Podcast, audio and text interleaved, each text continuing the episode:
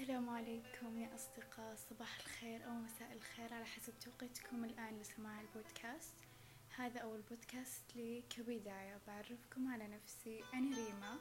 وفتحت البودكاست هذا بدون أي هدف محدد يعني ما حطيت في بالي إني بفتح عشان أنقل لكم مثلا تجاربي فقط لا.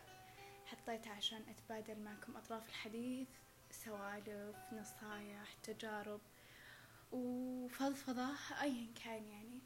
كل حاجة اختصار الموضوع.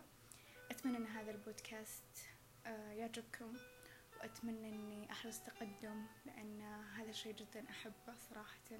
من فترة وأنا أفكر أني أفتحه وفاينل اتخذت القرار بأني أفتحه. أتمنى أكون ناجحة بهذا الشيء لأن فعليا أنا مرة أحب هذا الشيء.